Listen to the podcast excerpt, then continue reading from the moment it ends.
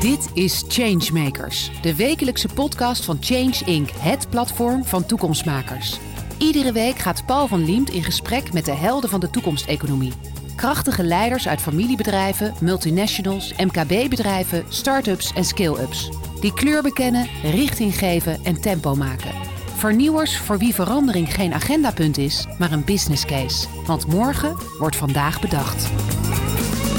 Dennis van der Putten is Chief Commercial Officer bij vermogensbeheerder Actiam. Hij vindt dat de financiële sector de plicht heeft om bij te dragen aan de transitie naar een duurzame samenleving. Welkom Dennis. Ja, en ook nog uh, changemaker van de week. Hè. Dus ik bedoel, het kan niet op gewoon. En terecht ook, dat gaan we tijdens het interview merken. Want er zitten een paar, uh, laten we zeggen, hele opmerkelijke uh, gedachten achter. Achter wat jij bij Actiam nu aan het doen bent. Maar we beginnen altijd, dat doen we altijd in deze serie, met het duurzame nieuws van afgelopen week of afgelopen tijd. Dat de meeste indruk op je gemaakt heeft. En wat is dat voor jou? Nou, toevallig, Paul, bij ons voorgesprek uh, toverde jij een prachtig krantenartikel tevoorschijn, vol trots. En, en terecht, want dat was ook mijn nieuwsbericht van de week. En het gaat over de International Energy Agency. Dat zijn een, een, is een club van hele slimme mensen die kijken eigenlijk oorspronkelijk naar hoeveel energietekort hebben. En met name fossiele brandstoffen. En twee jaar terug zeiden ze, daar hebben we een schromelijk tekort aan. En twee dagen terug hebben ze gezegd, joh, moet je luisteren. Stop nou met het zoeken naar die fossiele brandstoffen. Ja. Stop met kolen en schakel over op uh, hernieuwbare energie. En ze zeggen zelfs dat het moet. Het kan niet anders om de klimaatdoelen van Parijs te halen. Nogal belangrijk Parijs. Ik bedoel, als Parijs nu was geweest, was er niks geweest. Er zijn echt nu doelstellingen. Uh, de enige eensgezindheid. En dit is wel een hele forse stap. Hè. Daarom had ik het ook uitgescheurd. Toeval gewoon. En voor de transparantie, voorgesprek. We hebben elkaar helemaal niet gesproken. We komen er toevallig voor het eerst tegen, Dennis. Ja. En we praten even zo. Toen ging het daarover. Dat is dus eigenlijk het voorgesprek. En wij gaan meteen hier in dit interview zitten. Maar het was wel een mooi toeval. Ja, dat ik vroeg jou, wat, wat heb je daar voor duurzaam nieuws? Ik ben benieuwd. Heb je wat? En je zegt, nou toevallig dit, dat artikel, ja. Is het heel groot? Is het niet te groot? Ik bedoel, stel dat iedereen dit nu ook uh, gaat opvolgen wat er staat. Het, het, is enorm. En sterker nog, hè, eigenlijk, als ik er zelf ook wel eens over nadenk, bevat ik het ook niet helemaal. Want het is zo'n complex systeem. En er is zoveel dat er moet veranderen. Um, dus ja, het is heel groot. Gaat het te snel als iedereen het gaat doen? Nee. Zelfs als iedereen het nu gaat gaat doen. Hè. Als iedereen vandaag begint, zelfs dan zijn we eigenlijk nog, nog te laat. Omdat de tempo, het tempo van verandering ligt eigenlijk uh, te laag. Overigens, als ik nog mag aanvullen in dat artikel, ik vond het mooi en ik vond het verdrietig. Wat het stuk wat ik er verdrietig aan vond, is dat er wordt gezegd, hè, goh, uh, we zaten in coronacrisis en, en, en we waren bijna depressief. Um, en op dat moment hebben we gezegd, we gaan voor een groen herstel en een groene verandering. Als je nu kijkt naar de CO2-voetafdruk van ons, zitten we op dit moment al op het niveau van voor de coronacrisis. Dus we zijn gewoon op dezelfde weg, we zijn dezelfde weg weer ingeslagen. En dat is natuurlijk heel verdrietig. Het voelt een beetje alsof ik gedronken heb. Hè, en dan de ochtend daarna denk ik, jongens, ik, als dit gevoel, dit misselijkmakende gevoel, als het ooit overgaat, ik beloof, ik drink nooit meer. Tot het avond is en het eerste borreltje weer op tafel komt. Zo voelt het een beetje. Ja, dat is trouwens een hele mooie vergelijking. Ja, want dat is inderdaad, dat, veel, dat vergeten we ook nooit meer de financiële sector kan er wel wat aan doen. En dat vind jij ook en dat doe je ook. Daar ben je ook, eh, denk ik, uh, ja, een, van, een van de koplopers in. Jij vindt dat de financiële sector een leidende rol moet gaan spelen bij verduurzaming. En dat klinkt heel mooi, hè? want dan denk je, ja, wij we willen allemaal verduurzamen. Ook uh, vaak in cynische zin. Mensen die zien de subsidies flonkeren, die weten het is hip en uh, happening, ik wil erbij horen. Jij bent al veel langer actief op dit gebied. Misschien aardig om daar iets over te vertellen. Hè? Het is niet zo dat jij denkt, het is hip, ik ga er ook aan meedoen. Nou ja, kijk, op mijn leeftijd probeer je natuurlijk ook wel hip te zijn. Dus het is mooi dat het een keer mijn kant op, uh, opvalt. Wat is jouw leeftijd dan? Uh, ik ben 46. Tje, wow man. Ja, dat dacht ik. Oké, okay, ga verder. Thanks. Um, maar ik ben inderdaad al veel, uh, veel langer mee bezig. Eigenlijk is mijn, mijn reis begonnen bij Zwitserleven. Ehm, we hebben toen met een groep mensen gezegd, we, we voelen ons eigenlijk meer op te veel op afstand staan ten opzichte van de maatschappij. Daar moeten we iets aan doen. Toen is er samen met Better Future letterlijk een reis georganiseerd langs onze stakeholders, mensen die voor ons belangrijk zijn. En voor mij, een, een moment staat daar, uh, is heel belangrijk wat dat betreft voor mij. En dat ging, op een gegeven moment kregen we, kreeg ik samen met iemand een fles wijn in mijn handen gedrukt. En we kregen een, een, een adres op en zeiden, hier ga je vanavond eten. En verder wisten we niks. En we kwamen daar binnen en er zaten gewoon echte klanten. Maar, niet zoals klanten, hè, kom eens bij mij op kantoor. Maar gewoon mensen die gebruik maakten van de polis van Zwitserland en daarvan afhankelijk waren. En daarmee zijn we het echte gesprek gaan voeren. En die hebben ons wel de ogen geopend van, weet je wel wat er gaande is in die financiële sector? Weet je wel wat er gebeurt? Weet je wat de impact is op mij? En dat heeft zo'n enorme indruk op mij gemaakt. De, hun slotvraag was, weet je wel zeker dat je in de financiële sector werkzaam wil zijn? Zo. Ja, nou ja, je bent er nog steeds. Dus eh, je hebt die vraag uh, met ja beantwoord. Maar waar, waar zat vooral de twijfel? In de oprechtheid van, van verandering en de, en, en de doelstelling van de financiële sector en, en zeker van een verzekeringsmaatschappij. De doelstelling moet zijn verzekeren voor een geval er iets gebeurt waar je, waar je eigenlijk niet op berekend bent. En dat is natuurlijk op een gegeven moment veel meer verschoven naar hoe kan ik zoveel mogelijk premie binnenhalen, winsten maken. Uh, dat is wel een tijdje aan de hand geweest in de financiële sector. Uh, mijn overweging is geweest, punt 1, ik kan alleen maar dit, dus laat ik maar blijven. uh, maar de tweede ging wel over die verandering. Kun je dan niet beter verandering van, van binnenuit proberen te bewerkstelligen? En bij, bij Zwitserleven heb ik die, uh, die kans gekregen. En dat is de reden waarom ik nog, nu nog in de financiële uh, sector ook werk. Ja, via Zwitserleven. Waar ben je daarna naartoe gegaan? Wat heb je nog meer gedaan? Uh, na Zwitserleven ben ik eigenlijk uh, direct bij, uh, bij Actiam aan de slag gegaan. Ehm, verantwoordelijk voor het, voor het duurzaamheidsbeleid van, van Actiam. En vooral voor het ja, enigszins moderniseren daarvan. Want dat... Nou ja, daar gaat het om. Hè. Dan, dan, dan ben je dus, dan, dan doe je wat je zegt, namelijk de financiële sector een leidende rol laten spelen bij de verduurzaming. Want jullie beheren nogal wat vermogens van mensen in deze sector. Uh, dat betekent dus wel dat je echt ook iets doet, dat je voorbeelden kunt geven. Want anders is het een, een mooi verhaal. En dan denk je, ja, wat doe je dan precies? Kun je, kun je concrete zaken noemen? Ja, gelukkig wel. Um, ja, heel gelukkig. Ja, ja, ja, voor deze podcast. ja. ik, uh, misschien even goed om, om eerst te schetsen wat wij nou proberen te bereiken. Uh, wij geloven dat uiteindelijk we toe moeten naar een duurzame samenleving. En um, die wordt eigenlijk beschreven door het donut-denken, de donut-economie van Kate Raworth. En, en die donut-economie, daarvan moet je voorstellen dat in die deeg van die donut, dat is, dat is de perfecte duurzame samenleving. De buitenkant van die donut, dat zijn eigenlijk de planetaire grenzen. Oftewel, wat kan de planeet zelf vervangen als wij iets weghalen? Als we een boom kappen, kan de, kan de planeet dat aanvullen. Als wij water ergens weghalen, kan de planeet dat aanvullen. Dat, dat zijn de planetaire grenzen. En daar zijn we al buiten, hè, voor de duidelijkheid. We zo, stoten al te veel CO2 uit. We hebben al te veel verlies van biodiversiteit. We, we kappen al te veel bomen. Dat, is, dat zijn die planetaire grenzen. Die binnenkant van die, van, van, van die deeglaag, zou je kunnen zeggen, dat is het sociale fundament. Ieder mens heeft recht op een plek om te wonen, om op toegang tot medicijnen, tot, tot schoon drinkwater, dat soort aspecten. En ons handel is gericht om uiteindelijk in, in het deeg van de donut te komen. En dat is best lastig. En misschien nog een mooie aanvulling, Paul. Daarbij willen we een impact hebben op de reële wereld en de reële economie. Want stel, in mijn, als ik beleg, ik kan zeggen, ik verkoop aandeel A. Dat is een heel vies bedrijf, ik zal geen naam noemen. En daarvoor koop ik terug een heel schoon bedrijf. Um, Vestas windmolens bijvoorbeeld. Ja. Wat er dan gebeurt is dan uh, verkoop ik een aandeel, daarvan gaat de prijs 1 cent omlaag en dan koop ik een ander aandeel terug, gaat de prijs 1 cent omhoog. Dat is ongeveer onze impact. En dan kijk ik naar buiten en dan is alles nog hetzelfde. Sowieso geen systeemverandering, dan moet echt iets anders gebeuren. Voilà, dus wij willen een impact hebben op de reële wereld en de reële economie. En dat betekent dat je soms ook in geïnvesteerd moet blijven in bedrijven waar je misschien denkt, ik weet niet helemaal zeker of dit hè, 100% duurzaam is. Um, een mooi voorbeeld, want daar vroeg je concreet om. Ja. Ik, waar ik heel erg trots op ben, is onze engagement. Dat, dat, dat, noem je zo als je een gesprek gaat met een bedrijf, met McDonald's. Um, een aantal jaren geleden, als je daar een, een, een, cola of een milkshake kocht, dan kreeg je dat in zo'n zo'n zo'n schuimrubberen beker. Kreeg je ja van een piepschuim, wat je ook uit elkaar kan, heel gezellig kan, kan. Heel, heel gezellig warm gevoel. Alleen dat is natuurlijk funest. En als dat wordt weggegooid, het wordt niet afgebroken in de natuur enzovoort. Wij zijn engagement op dat specifiek met ze gaan, gaan voeren. Dat moet anders. En inmiddels hebben ze andere bekers. Ik weet niet of het is opgevallen, maar het is niet meer dat piep, piepschuim.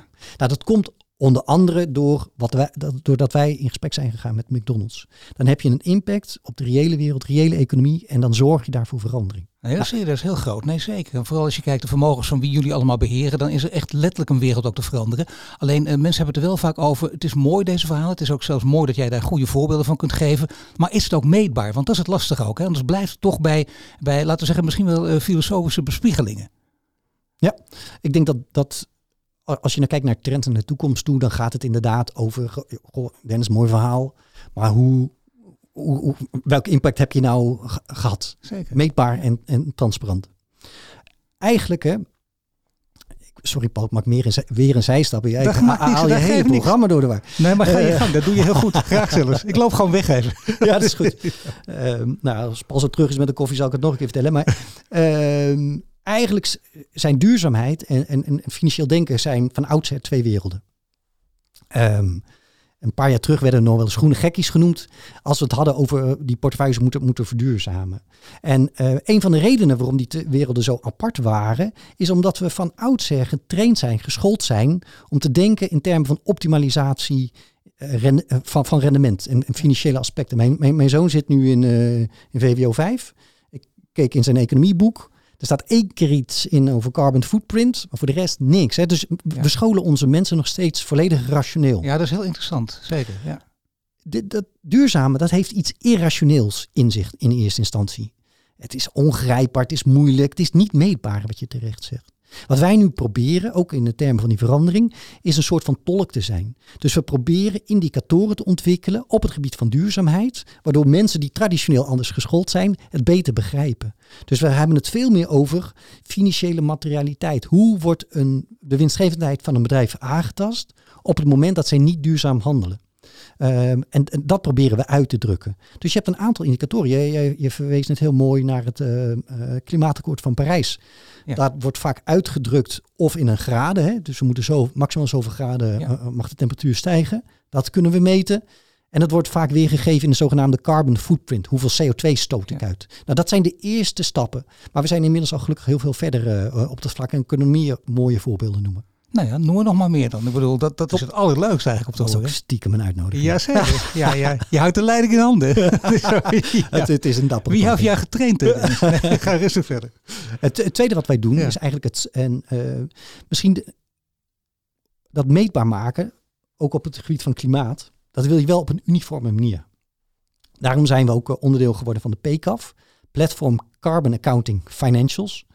Uh, zodat we wereldwijd pogen eenzelfde methodiek te ontwikkelen van het meetbaar maken van die carbon footprint.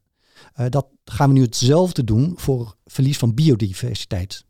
Origineel als we zijn heet dat niet PCAF, maar PBAF. Ja, Platform nee, Biodiversity ja. Accounting Financials. Maar goed, hè, de systematiek blijft hetzelfde. Ja. Dus we gaan proberen het verlies van biodiversiteit te meten op een uniforme manier die wereldwijd het liefst wordt omarmd. Dit is wel echt, het moet even benadrukken, dat je zegt wereldwijd zet. Dat is een hele belangrijke. Hè? Want je ziet ook heel veel bedrijven die zeggen wij doen het voor onszelf.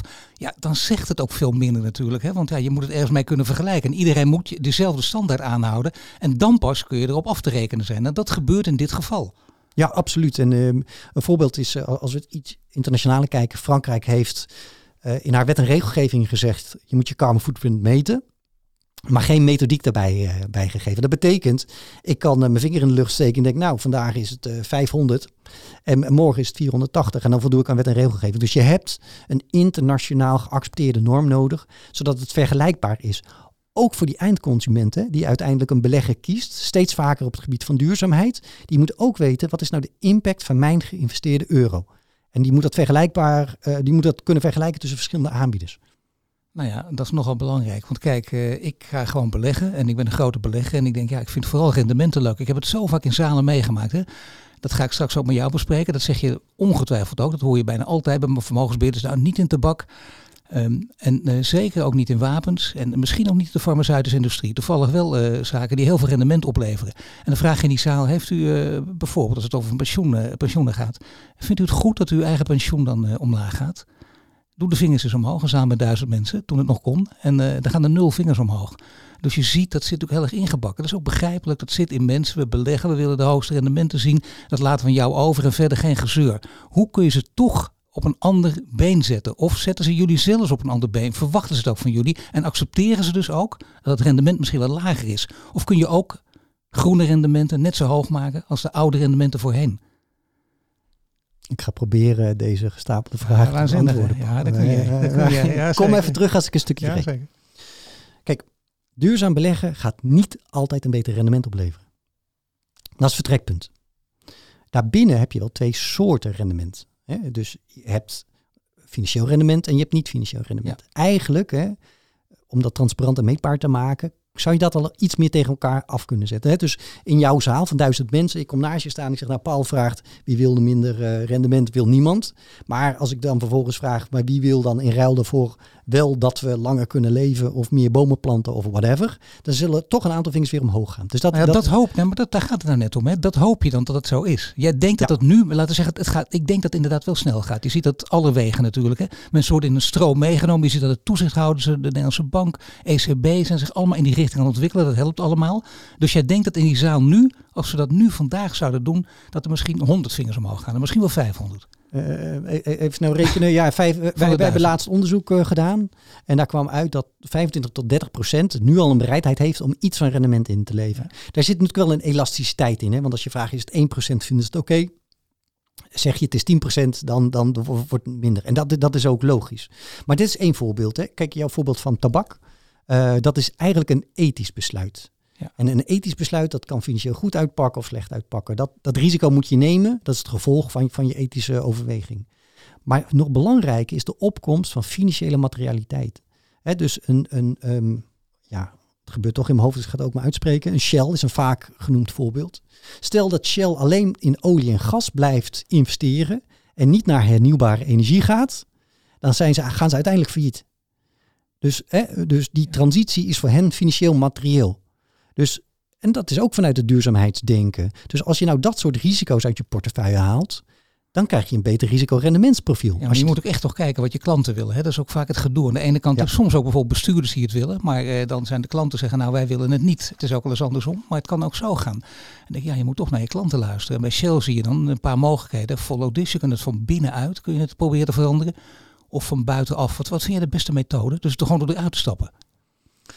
Um, nou, eh, generiek geloven wij dus op uh, in, in, in impact hebben op de reële wereld en de reële economie. Wat ik net al zei, het liefst blijf je net iets langer dan dat je gevoelt dat je voelt dat het goed is, blijf je toch belegd. Zolang je maar het idee hebt, ik kan verandering brengen. Ik kan door gesprekken te voeren, kan ik partijen de goede richting induwen. Op het moment dat wij denken, die, die, die flexibiliteit is eruit, dan nemen wij afscheid. Maar eerst volgt een periode, en die periode kan best wel twee, drie jaar duren, van engagementgesprekken. Intensief, met als doel verandering, gedragsverandering van het bedrijf. Daarna sluiten wij pas uit. Want je moet je ook voorstellen, ik, ik kan, stel dat ik alleen beleg in de duurzame belei, uh, bedrijven, alleen de winnaars van morgen. Die, die, die bij elkaar zijn niet genoeg om die systeemverandering teweeg te brengen. We hebben die middenmoot, hebben we keihard nodig om uiteindelijk ons doel te bereiden. Dus negeren en je, je rug toekeren, dat lijkt mij niet echt de, de juiste optie. Uh, ik lees ook wel eens verhalen van jou, want je laat je vaker uit, gelukkig over dit onderwerp. En dan zeg je, kijk, uh, we zijn koploper. Dat klinkt heel mooi, maar ja, uh, zo'n grote koploper zijn we nog niet. Hè? Je had het net over die 25 tot 30 procent. En dan gaat het ook nog maar op, over de vraag, ben je bereid om 1 procent af te staan? Dat moet veel groter en veel sneller. Zou het niet helpen als je kunt zeggen, want er zijn mensen die dat vertellen ook. Hè? over een tijdje is groen beleggen, levert je ook het hoogste rendement op. Zijn dat sprookjes of denk je dat het echt die kant op gaat? Het is, het is, het is een deels een self-fulfilling prophecy, zoals het zo mooi heet. Namelijk als iedereen de groene bedrijven gaat kopen, gaat de waarde ervan omhoog. Dus daar zit wel een stukje, zit daar wel in. Je gaf net aan de druk van wet en regelgeving. Ik, trouwens een heel groot compliment aan de Nederlandse Bank. Uh, uh, nu ik dan toch deze ruimte krijg. Die doen fantastisch werk. Ja. En dat voelt soms als een last. Maar zij kijken wel naar die systeemveranderingen. Zij zeggen dus, wij zijn verantwoordelijk voor de financiële stabiliteit. En daarbij moet je kijken naar uh, verlies van biodiversiteit, naar waterschaarste, naar grondstoffengebruik. Schending van mensenrechten noemen ze ook. En, en daarmee geven ze een enorme duw aan de, aan, aan, aan de sector. Dus dat doen ze enorm, uh, doen ze enorm Eindelijk kiezen voor de lange termijn. En durven kiezen voor de lange termijn, daar gaat het ook om.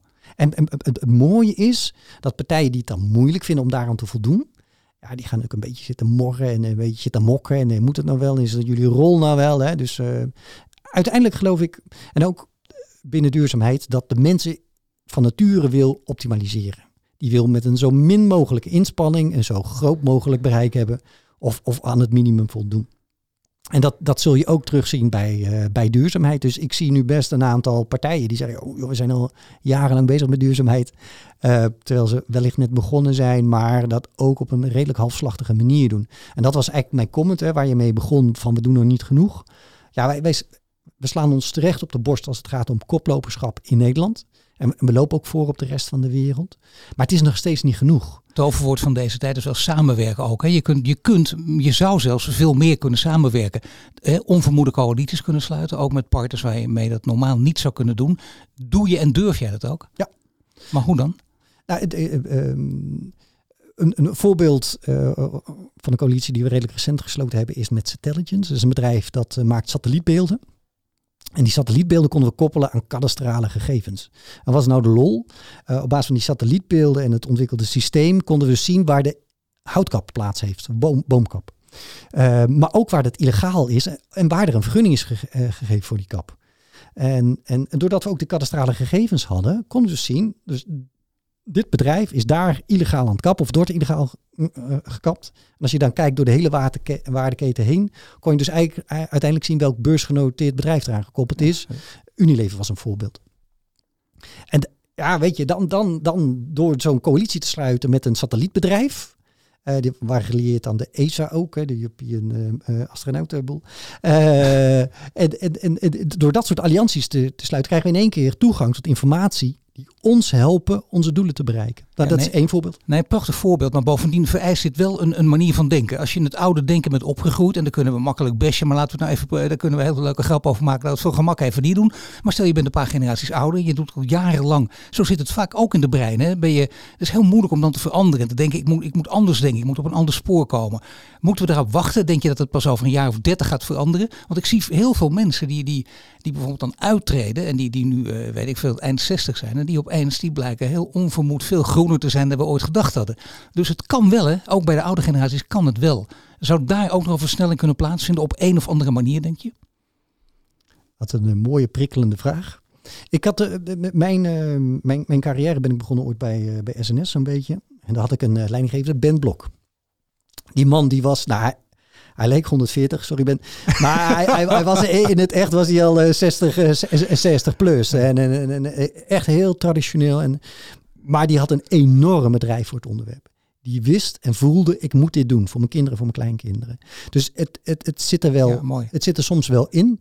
Um, maar over het algemeen zijn zijn mensen anders getraind, opgeleid en, en, en, en, en geschoold. En om dan nog een, een totale omslag te maken in denken, dan moet je echt wel een enorme prikkel en, en stimulans voelen.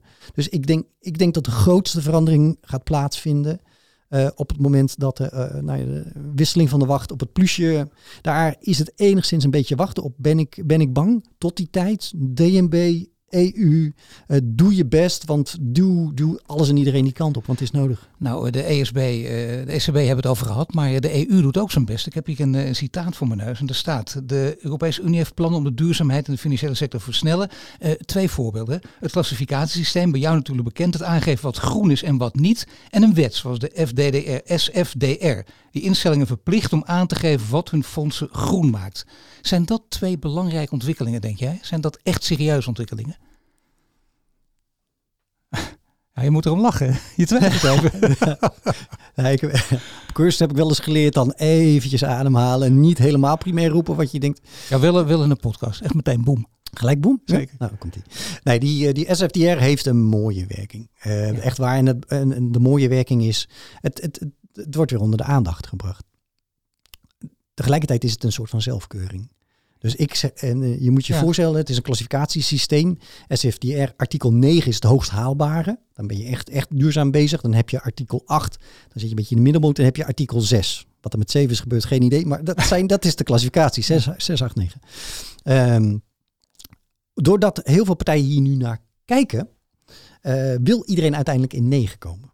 Ja. En daar wordt wel eens gekeken. Nou, ik had het net over hoe kan ik met minimale inspanningen zo hoog mogelijk resultaat bedrijven. Dit, dit stimuleert dat wel een, een, een, een beetje. Dus het, het, het heeft het risico in zich van greenwashing. Dus positief vind ik, er is aandacht voor. Negatief, het is een zelfkeuring en daarmee potentieel uh, greenwashing.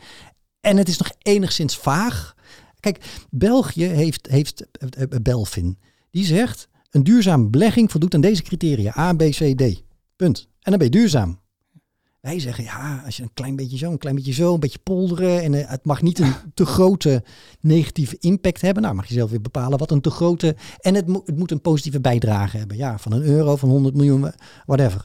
En, en, en het moet veel strak, het moet veel meer directief. Tegelijkertijd, als de EU dat probeert, dat hebben ze recent weer gedaan, de, de Green Taxonomy. Ja komt de olie- en gassector in opstand. Die zegt, joh, maar gas is ook groen. Als je heel goed kijkt. gas is ook gewoon hartstikke groen. Labelt nou even, even. Eh. En als je dat doet, dan gaat iedere belegger zeggen, nou, gas is... Uh, gras. gas is groen. Uh, dus dat mag in mijn portefeuilles terugkomen. Dus nee, we moeten, het moet strikter, duidelijker, moet dat omschreven en meer geduwd worden, wil het, wil het succesvol zijn. Ja, dat is heel goed dat je dat erbij zegt. Ja, want greenwashing, dat wil je niet. Ook onder, onderscheid op duurzaamheid dus eigenlijk ook niet meer. Dat moet gewoon volledig weg zijn. Hè? Dat het misschien dus bij een nieuwe generatie zou dat zo ver kunnen zijn. Dat je denkt, ja, daar gaan we ons niet meer op onderscheiden. Dat is namelijk volkomen logisch. Hoeven dat woord ook niet meer te gebruiken. Dat is namelijk heel irritant. Hè? Dan, dat heb jij ook. Als je daar heel lang in zit, dan hoor je iemand weer die, die opeens, die komt net een jaartje kijken. En die heeft het woord duurzaamheid met de grote bek. Hè? Bam, bam, bam, voortdurend voor in de mond. Je denkt, haal het toch op. Je weet niet waar je het over hebt en je roept het alleen maar uit marketingtechnische overwegingen. Dat mag ook, is allemaal mooi. Maar het moet veel dieper zitten natuurlijk, anders gebeurt er niks. Zie jij wel, uh, ook bij vermogensbeheerders, hè, want dat is vaak de verrassing voor mensen, merk ik ook in de buitenwereld, dat die daar zoals jij zo actief, zo intens mee bezig zijn. Moet jij nog wel eens op, toen het kon, op de verjaardagsfeestjes wat uitleggen van die werk bij vermogensbeheerder? En net als bij de ECB, is het wel je taak om je daarmee bezig te houden? Ja, absoluut. Toen ik, daar, toen ik daarmee begon, uh, werd je wel een beetje gek aangekeken. Wat nou duurzaamheid? Je zit er in de financiële sector, je moet er lekker graaien, zeg maar. Uh, werd dan op die feestjes gezegd. Ja. Was deze direct genoeg voor de podcast? Ja, zeker. Ja, nee, zeker. Ja, nee, graag zelfs. Dank je wel hiervoor.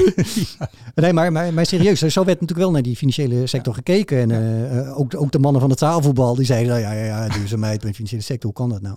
Het is gelukkig wel een, een, een stuk geloofwaardiger geworden. En um, um, nou, ik, ik heb dan de eer om uh, changemaker van de week te zijn.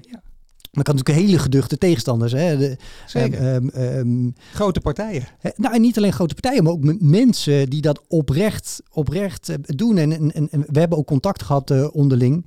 En hebben gezegd, zouden zou dit eigenlijk niet de ode moeten zijn aan iedereen die met duurzaam beleggen bezig is. Maar dat is het ook. Deze, deze weerstand heeft gevoeld. Dus zouden we ook niet, nou, en, en, naast Kalijn, zouden we ook niet Piet Klop van PGGM en, en Basjan Blom en, en uh, Jacomina. En, zouden ook niet al die mensen moeten, moeten noemen. Want maar jij, jij hebt zomaar in deze, deze reeks eh, twee topvrouwen verslagen. Kun je nagaan, hè? belangrijk. We hebben een hele grote familie. Ik denk dat dat helpt. Uh, nee, maar uh, ja, daar ben ik ook serieus heel, heel, heel trots op. Maar tegelijkertijd, het komt een beetje door het punt wat je zegt. Het, moet een onderscheidend deel zijn. En, en, dat is eigenlijk zo jammer. Want alleen gaan we niet redden, wat, wat ik net al zei. En, en ook Actium alleen al zijn we onderscheidend, gaan, gaan, we, niet, gaan we onze doelstelling niet redden. Nee, dus je hebt mooi. Voor jou is het volkomen logisch, maar het is echt een totale paradigma shift bijna. Om zo te gaan denken en durven denken, dat is een hele grote. We komen vanzelf, omdat uh, je hebt twee vrouwen verslagen, zeg ik al, komen, en je moet ermee samenwerken, komen vanzelf op de vraag van de community, want ja, die is heel scherp op. Want de vraag van onze community, die hebben we altijd gevraagd, welke vraag wil je beantwoord hebben, die luidt.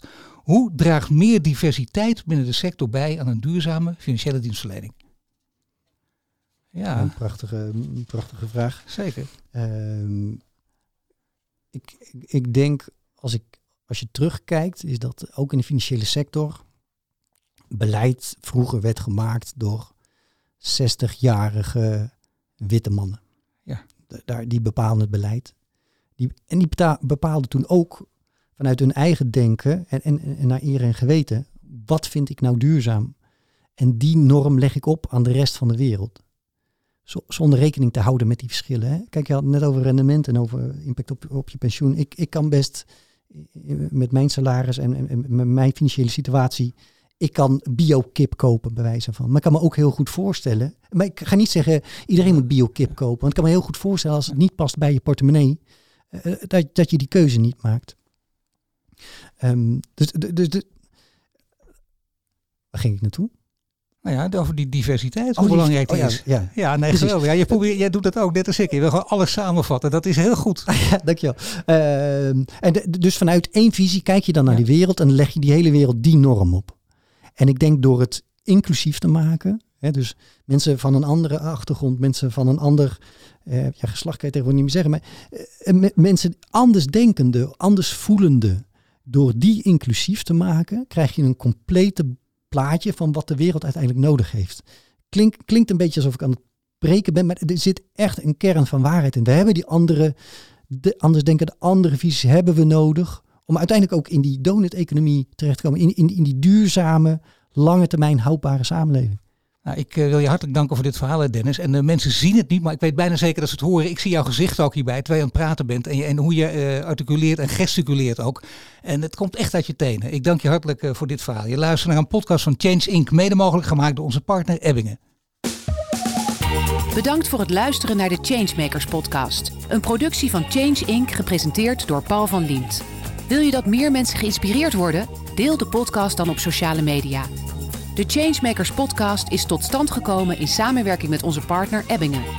Ebbingen kent, verbindt en ontwikkelt de leiders van de toekomst.